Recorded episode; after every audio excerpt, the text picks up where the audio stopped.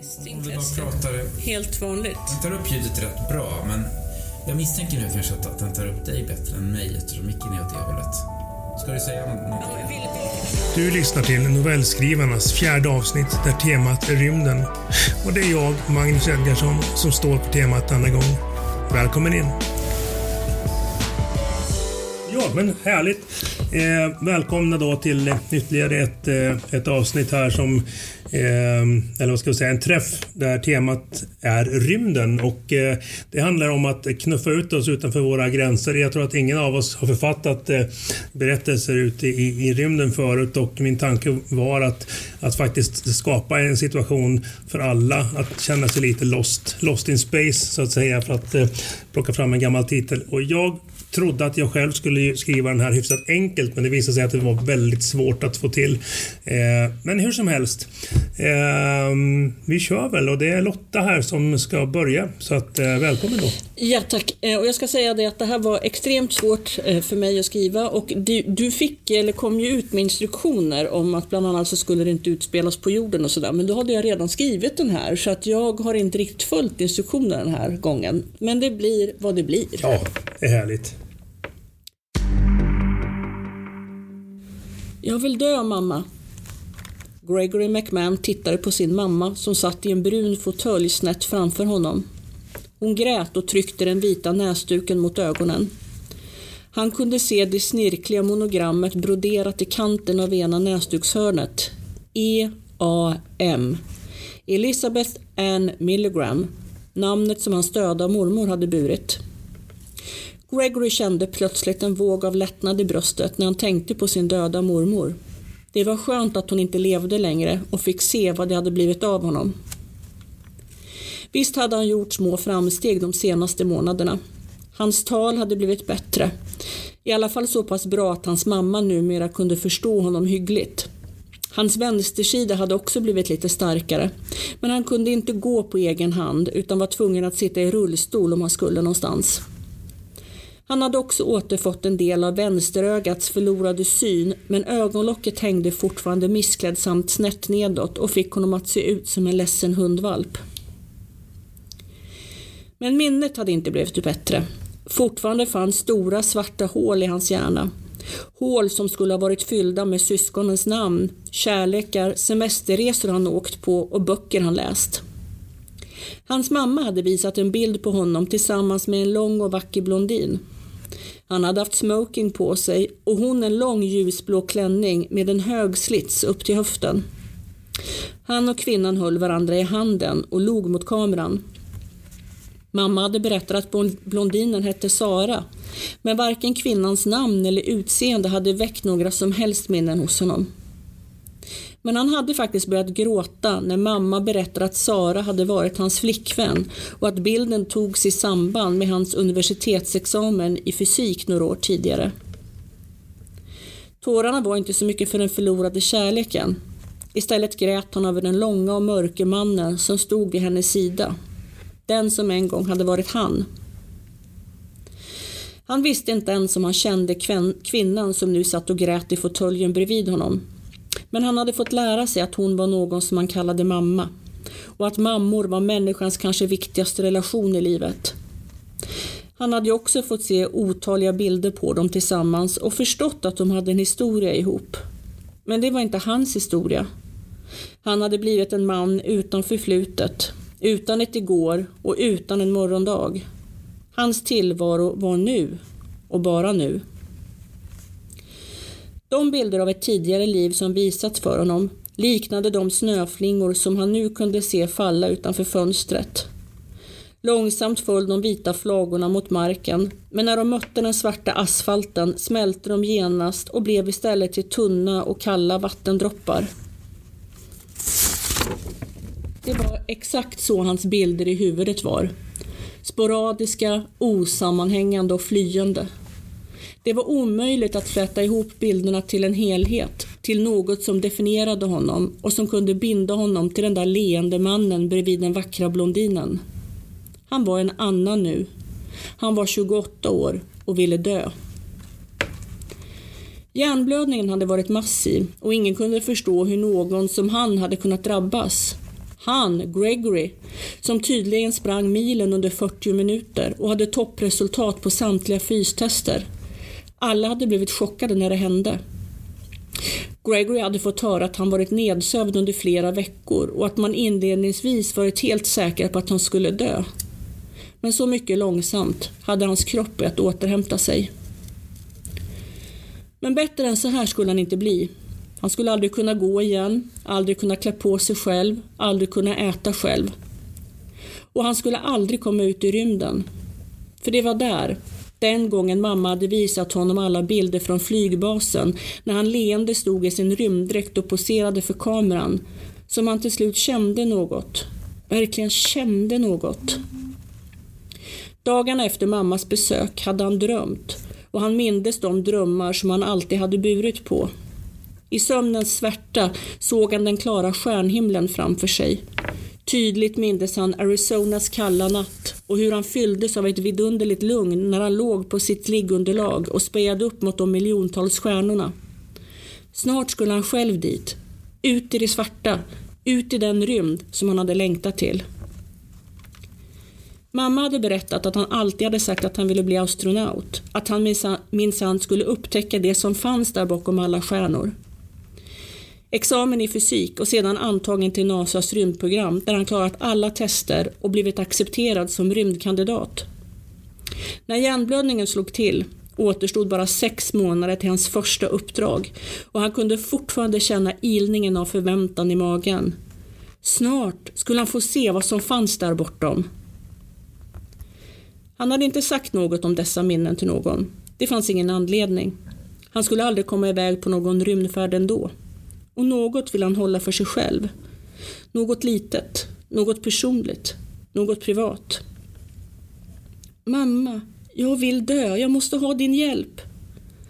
Mamma sänkte näsduken och knölade ihop den till en hård boll och höll den mellan händerna. Gregory kunde se att hon mumlade något tyst för sig själv, men han kunde inte höra några ord. När hon lyfte blicken och såg honom i ögonen kunde han se att stora ljudlösa tårar fortfarande rullade ner för hennes kinder.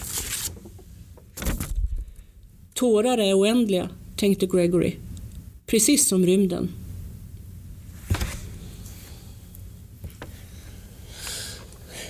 Ja, härligt. Eh, det här är ju ett tema som vi plockar upp som skulle ha genomförts för en månad sedan ungefär. Så det gör ju att vi är, vi är lite grann Eh, vi är förbi det, men tillbaka i det. Och vi har fått förmånen att lyssna på, på din berättelse två gånger här Lotta, så det gjorde ju eh, min upplevelse av den ännu bättre. Eh, när jag hade lite för, en föraning om vad som komma skulle, men ändå hade glömt bort så pass mycket så att det blev nytt ändå. Så det blev en sån här skön, skön mix. Eh, och som Henrik har varit inne på, jag har varit inne på, jag tror alla har varit inne på, vi har Eh, den rösten som, som vi ändå har, den återvänder vi hela tiden till. Det som drar oss tillbaka till hur vi vill uttrycka oss. Och sådär. Eh, jag känner ju igen det här, eh, eh ja vad ska man säga, närvaron. Det känns som att man sitter bredvid och ser det här hända liksom. Så att det är toppen. Mm. Mm. Uh jag tycker det är allra häftigast. Det är ju kul att höra den andra gången som Mange säger. Man liksom hör andra saker och man kan slappna av lite liksom och komma lite djupare ner i texten. Men det häftigaste jag tycker med den här novellen, och jag tyckte redan första gången jag läste den, är att jag, jag tolkar det som att han ändå kommer ut i rymden. Fast på ett väldigt jobbigt sätt. Den här hjärnblödningen skickar ut honom i en sorts, eller in honom i en sorts ensamhet. Ett, som nästan är som ett universum, ett stort svart rum som man måste navigera i och sakta liksom försöka ta tillbaka sig själv. Och han orkar inte riktigt. Han orkar inte riktigt komma tillbaka. Och det blir ju så himla tragiskt då när han, han faktiskt var på väg eh, som en väldigt eh, lyckad människa, ska säga, mm. ut, ut i rymden. Han hade uppnått sitt mål, han hade en, en vacker fru och allting. Och så blev det så här istället. Men, ja. eh, jag tycker det är häftigt. Eh, och sen den här detaljen med snöflingor som föll och mötte den svarta asfalten. Jag, jag älskar den, den, den bilden och du bygger ut det där med snöflingorna sen också. Eh, det, det, tycker jag är väldigt bra. Ja, vi kör, vi kör på här. Eh, vem vill ta nästa? Jörgen? Okej. Okay. Ja, härligt. Spännande. Destination ingenstans. Piloten sitter i styrrummet och halvsover när den röda lampan börjar lysa. Skit också. Hon vet att Brian kommer att vara här om några minuter och att de måste ta sig ut till de bakre delarna av skeppet. Det är aldrig roligt. De tjocka pansarglasväggarna runt henne visar en fantastisk scen av ett svart kompakt mörker som lyses upp av många små gula ljuspunkter. Men hon tittar bara ner på det stora instrumentbrädet. Omkring henne breder oändligheten ut sig som ett svart heltäckande skynke. Som om någon stuckit miljoner hål i duken och det lyser en stark lampa där bakom. Så brukade hon tänka på det som barn. Men redan då hade hon tröttnat på den här vyn. Samma hela tiden. Vecka efter vecka, år efter år. Ett förkrossande mäktigt universum. Men också själlöst och alldeles, alldeles stumt. Hon brukade sitta här bredvid sin far och fick lära sig vilka lampor som skulle blinka och vilka som skulle vara släckta. Skeppet var ett teknologiskt under. Jordbornas sista mästerverk innan de lämnade sin förbrukade planet. Bara de viktigaste, det vill säga de mäktigaste och rikaste, fick följa med. Och så piloterna, vetenskapsmännen och de som hade en speciell uppgift på skeppet. De andra lämnades åt sitt öde på en förödd planet. Det var för 300 år sedan nu. Men det fanns filmer kvar från avfärden som hon brukade titta på ibland. Hon var på ett sätt glad att hon inte behövde leva på den där gråbrända ödeplatsen. Men var det här så mycket bättre? Alla bekvämligheter fanns kanske här på skeppet. Åtminstone var det så till en början. Nu var det mycket som inte fungerade längre. Men som tur var så fungerade de viktigaste funktionerna som fick skeppet att ta sig framåt och hålla stånd mot den oändliga svärtan där utanför. Men vad hade de att leva för? Ibland kunde hon le skadeglatt åt det. Vad som hade blivit av de där rika och inflytelserika människorna. Tänk om de hade vetat det när de gick ombord den där kvällen för 300 år sedan. Att deras barnbarns barnbarn mer skulle likna djur än människor. När skeppet lämnade jorden fanns inga tankar på hur det skulle bli sen. Vetenskapsmännen hann aldrig bygga in någon landningsfunktion och skeppet var inte programmerat mot en viss destination. Det var som om de trodde att det skulle lösa sig senare, som av något underverk. Kanske att de skulle kraschlanda på en ny beboelig planet och överleva som ras, åtminstone några stycken. Vad var oddsen för det? Hur kunde de vetenskapsmän som hade skapat detta teknologiska under, som nu hållit i så många år, förlita sig på en sådan minimal sannolikhet? Ett sådant mirakel? Kanske köpte de sig bara tid för sig själva, att leva klart sina egna liv och sedan, vem bryr sig? Piloterna hade förhållit sig neutrala när det stora kriget bröt ut ombord. De stängde in sig i styrrummet och skötte sina uppgifter som vanligt. Det var det som hade räddat deras förstånd. Distansen till dem där ute, i skeppets fria ytor, växte sig större och större för varje år. Nu var de där ute bara ett problem att hantera när de behövde ta sig ut till någon annan del av skeppet. Man ville ha så lite som möjligt att göra med dem. Nu kommer Brian in genom slussen. Han har med sig elpistolen. De använder bara den kraftigaste varianten nu för tiden, den som kan döda. Det är nödvändigt för att avskräcka dem där ute. De tar på sig gasmaskerna, andas några sekunder och öppnar sedan luftslussen. Redan den första korridoren är full av avföring och urin.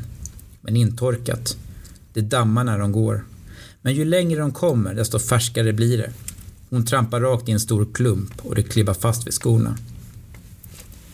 Det var ett ödes ironi att de som skulle få ett lättjefullt liv här på skeppet var de som blev så här. Och de som skulle vara tjänare behöll sin mänsklighet. Allt fanns inspelat och dokumenterat de första 150 åren. Hon tittade på det ibland, när det inte fanns något annat att göra. De första 20 åren gick väl ganska bra. Många konflikter, men de höll någorlunda sams. Stora middagar i stora salen. Välklädda män och kvinnor som åt och skålade. Sedan kom den stora konflikten. Två falanger som försökte ta över makten. Från början var det mest hårda ord och enstaka slagsmål. Men snart blev det ett regelrätt krig på en liten yta. De mördade varandra på alla tänkbara vis. Avkommorna till miljonärerna och toppolitikerna blev vansinniga bestar med blottade tänder och vässade klor. Piloterna satt i styrrummet och kunde se allt via skärmarna. När det äntligen lugnade ner sig var minst 80 procent döda. Liken kantade korridorerna. Det var ett fruktansvärt jobb att samla upp kropparna och skicka ut dem genom latrinhålen. De överlevande födde barn som blev allt mer inavlade. Efter ett par generationer var det knappast människor mer. Nu passerar de stora matsalen. En man med mörkt långt hår kopulerar med en kvinna i dörröppningen. Han tittar upp på dem en sekund, som om han överväger att avbryta akten och gå till anfall. Men fortsätter istället med det han håller på med. Kvinnan gnyr och ser rädd ut. Istället kommer en stor man lufsande mot dem ifrån främre delen av korridoren. Tungan hänger ut och han visar tänderna. Pupillerna i de blå ögonen är helt svarta och tomma. Nu börjar han rusa mot dem. Brian höjer elpistolen och siktar mot hans tinning när han nästan nått fram till dem. Mannen ylar och kastar sig på golvet med spasmer. Han rycker till ett tag innan han blir stilla. Brian står med vapnet höjt och väntar ett tag. Sen går de vidare. Nu håller de sig på avstånd. Vissa morrar och väser, men trycker sig mot väggarna när de kommer. Till slut kommer de fram till den bakre delen, där lampan signalerade att något var fel. De ser direkt vad det är. En kvinna har lyckats trycka sig in i en springa bredvid en luftsluss och har fastnat. De hjälps åt att rycka loss henne. Hon skriker hjärtskärande. Sen kryper hon snabbt iväg på golvet. Att de aldrig lär sig. De tar sig tillbaka utan större missöden. Några gånger får Brian höja elpistolen för att få dem att hålla sig undan. Det är en stor lättnad när de åter är i styrrummet och kan dra av sig sina gasmasker. Hon och Brian har alltid samma ritual efteråt. De laddar upp en väldigt gammal film från jorden. Det är olika scener. Skogar, berg, harar som skuttar, tigrar på savannen. En skolklass där läraren pratar och eleverna lyssnar. Ett torg där de säljer grönsaker. Ett tåg med människor som sitter med sina mobiler. Ett litet barn som går med en gåvagn. För att rena sig. För att känna sig som människor. Trots allt. Usch vad obehagligt. ja, jag känner verkligen, jag mår nästan illa av att höra den här. Den, den, eh, det skulle bli en fantastisk film. Det jag tänker på och som tar upp det är ju de människor som har en uppgift. De behåller sin mänsklighet och jag tror att det är något väldigt mänskligt att man måste ha en mening med livet och att bara eh, sitta med middagar och du, du tappar du tappar meningen med livet och då kommer du att degenerera. Eh, och psykiskt och i det här fallet även fysiskt. Så, så, så det är en intressant eh, psykologisk, mm psykologiskt sann i, i, i den bemärkelsen. Nu måste vi gå vidare. Ja. Eh, Nu får... Ja, eh, eh, ja. ja, vi vi kan väl bli snabbt bara. Så att det, eh, Jag känner att det är precis som ni säger så är, det, så är det den här känslan av att eh, här har det gått åt helvete. Och sen får jag den här Wall-E filmen i huvudet. Eh, Wall-E. Den här roboten, skräpsamlarroboten som rullar på. Eh, en, eh, den kom för ett gäng år sedan. Eh, när de Ja, är på, de har övergett jorden och sådär. Den känslan fick jag. Sen så måste jag säga det att det är vansinnigt bra att tvingas ut ur sin komfortzon. För här märker jag i alla fall att rösterna som så vant annars vandrar mellan olika saker i, i, i sådär. De, de får kämpa lite. I, I det här fallet så, så är det liksom inte riktigt inte så bekvämt som det brukar vara. Det är en utmaning och det, det tycker jag är skithäftigt för att det gör att man måste ta i lite. Det vänder här lite till min barndom på sätt och vis, eh, barndomsberättelser. I rymdnöd.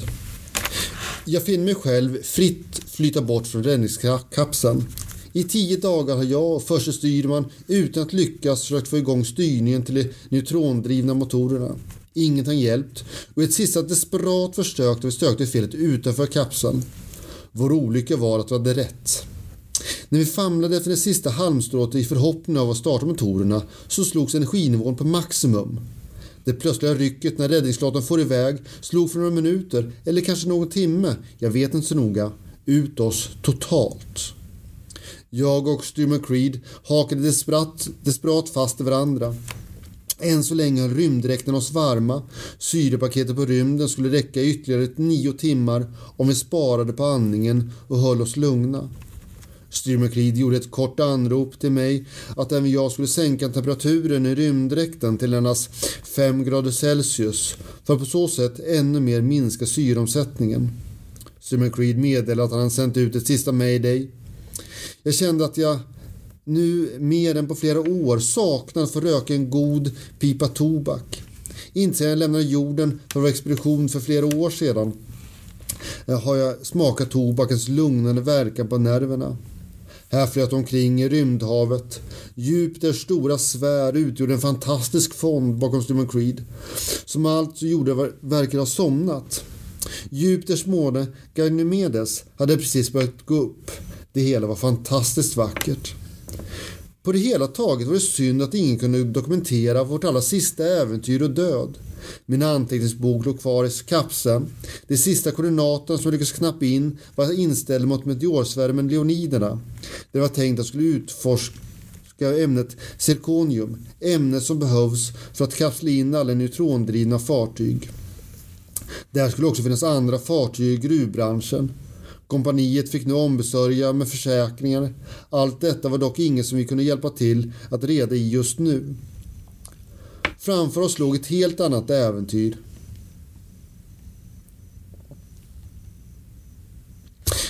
Om det kunde, om det kunde inte längre några tveksamheter. Automatiken för att sänka syrehalten i inandningsluften hade för länge sedan satt i och det är nu en kvalmig, nästan kväljande luft som jag fick tvinga ner mina lungor. Det var precis nog för att hålla mig vid medvetande. En del av före, en del företag hade en självmordsmekanism kopplat till själv, räddningskaplarna. Såväl jag som Stormy Creed var av uppfattningen att sådana fatalistiska mekanismer var skadliga för moralen. Döm av en förvåning när jag såg ett långt cylinderformat fartyg som närmade oss i god hastighet. Jag skickar iväg varenda nödraket som exploderar över huvuden i ett fantastiskt fyrverkeri. Säga vad man vill om kompaniet, men inte spara på krutet för en raket som i allmänhet är det sista ljus man ser här i livet. Men nu tycks en sann frälsare vara i rak kurs mot oss. Jag kämpar för att hålla mig medvetande när jag som en Creed fångas in av en jättearm som skjuts ut från skrovet på fartyget.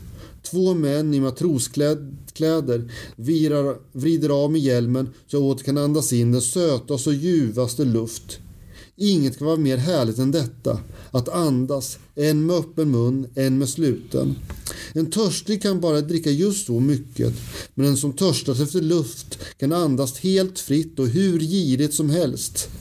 Styrman ler först och ger sedan upp ett sådana bullriga skratt och kramar om sina räddare i nöden. Själv räcker jag fram ett mer formellt och enligt etikett och protokoll fram högerhanden och skakar tacksamt deras händer. Ingen av matroserna yttrar dock ett ord och lämnar oss ensamma kvar i durken. Villrådiga klär vi av oss våra numera slitna räddningskläder och står så bara i våra silvriga underställ.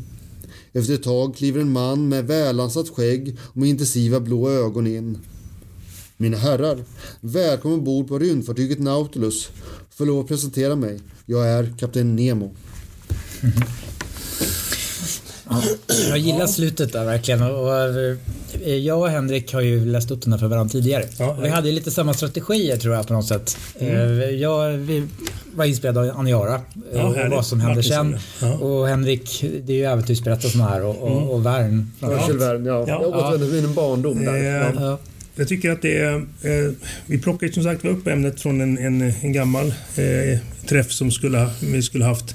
Och, och jag tycker att det är kul att vi gör det. För att det här är en, en del som faktiskt ger en stor helhet till eh, jag, vi som har lyssnat på, på Johannes och, och, och det här, eh, du vet, det här mustiga, härliga eh, och liksom den här mera Eh, om den här biblioteksmannen på biblioteket och sköna helheter det blir i det här när vi tvingas ut i rymden där vi verkligen inte, inte riktigt har våra rötter känns det som även om är ni med? Så att, eh, och jag tänkte jag ska läsa upp min min novell som kom till efter midnatt i natt då jag arkebuserat min, eh, min första eh, berättelse som jag var hyfsat på gång nöjd med att den skulle bli bra. Så när jag började läsa den eh, för att här, slutföra den på ett bra sätt så kände jag att nej, det här blir skit. Så att, ja, eh, jag kände bara att nej, men det går inte. Jag behöver ha många, många fler sidor och mycket mer tid för att den skulle bli bra. Den blev för komplicerad. Eh, men i alla fall, jag skrev en som då fick eh, till slut eh, titeln Kostymen. Eh, och eh, den är rå i sin utformning för att den är skapad ja, för några timmar sedan helt enkelt. Även om den kanske har funnits lite grann i bakhuvudet. Kostymen. Han insåg att det var över. Det fanns ingenting mer att göra. De hade vänt in och ut på allt de senaste tre veckorna men ingenting hade hjälpt. De hade sett på ett helt nytt problem så fort de närmat sig en möjlig lösning och tvingats börja om. Sedan hade de dött. Allihopa. En efter en. De var döda och han var ensam kvar. 13 besättningsmedlemmar hade reducerats till en och snart skulle 13 besättningsmedlemmar reduceras till noll. Det var slut. Och det var nog lika bra. På tre veckor hade 12 av hans vänner dött. De flesta hade dött i sömnen av näringsbrist och uttorkning men fem av dem hade skadat sig så allvarligt att de valt att ta sina liv. Det fanns ingen läkarstation ombord som fungerade och han förstod deras val även om han inte gillade tanken på att ta sitt liv. Det var ju allt man hade när allt kom omkring. När olyckan hade varit framme och slagit sönder deras skepp tog överlevnadsinstinkten över. Han bestämde sig i sin innersta kärna att han skulle göra vad som helst för att överleva. Vad som helst. Det hade börjat med att han hade stulit vätska och matransoner från sina vänner. Bara lite, men tillräckligt för att de skulle börja svälta. Ingen hade misstänkt något. De var för fokuserade på att försöka laga det som gått sönder. De var för fokuserade på att försöka få skeppet i skick så att de kunde ta sig till närmsta rymdstation och få hjälp. Han hade sett till att de inte överlevde. Det kändes inte bra, men han hade från början vetat om att syret skulle ta slut långt före de skulle ha hunnit laga skeppet och det var därför helt avgörande att de flesta av hans vänner dog. Och det snabbt. Han hade gömt undan den stulna maten och vätskan och riggat arbetsplatserna så att olyckor skulle ske. Sedan hade han väntat. Visst började någon prata om att det hände konstiga saker ombord på skeppet men alla var för trötta för att lyssna. Fokuset låg hela tiden på att laga det som var trasigt. Och nu var han ensam. Han hade inte mycket syre kvar och den mat han stulit var slut. Likaså vätskan. Han kände hur slemhinnorna hade börjat torka och han kände en metallisk smak i munnen. Torra slemhinnor blöder och när det börjar blöda, då är man illa ute. Det fanns ingen mening med att springa omkring och lösa syre så han hade beslutat sig för att möta döden i kaptenstolen. Ska, ska en dö så ska det väl ske bekvämt, tänkte han. Han sov mycket och det var svårt att hålla sig vaken. Syret var på väg att ta slut nu och det gjorde honom sömnig. Dessutom var det kallt. Inte bara för att värmesystemet kollapsat i större delen av skeppet utan mest för att han inte hade ätit eller druckit ordentligt på över en vecka. Ibland tyckte han sig höra röster och då ropade han efter dem. Det slutade med att han började hosta upp blod. En gång hade han sett i syne. Han kunde ha svurit på att han hade sett en gammal vän gå förbi ut i korridoren men när han andfådd hade sprungit efter för att hälsa hade korridoren varit tom. Det hade tagit på krafterna och han hade knappt orkat hasa sig tillbaka till stolen. Det var den sista ansträngningen. Det insåg han och han hade bäddat ner sig för att vänta på döden. Skeppets huvuddator förkunnade nu att det enbart fanns syre kvar för tio minuter. Tio minuter. En gammal dikt letade sig fram ur hans inre. En av hans absoluta favoriter och han hade alltid haft en samling med sig på sina otaliga långresor genom världsrymden.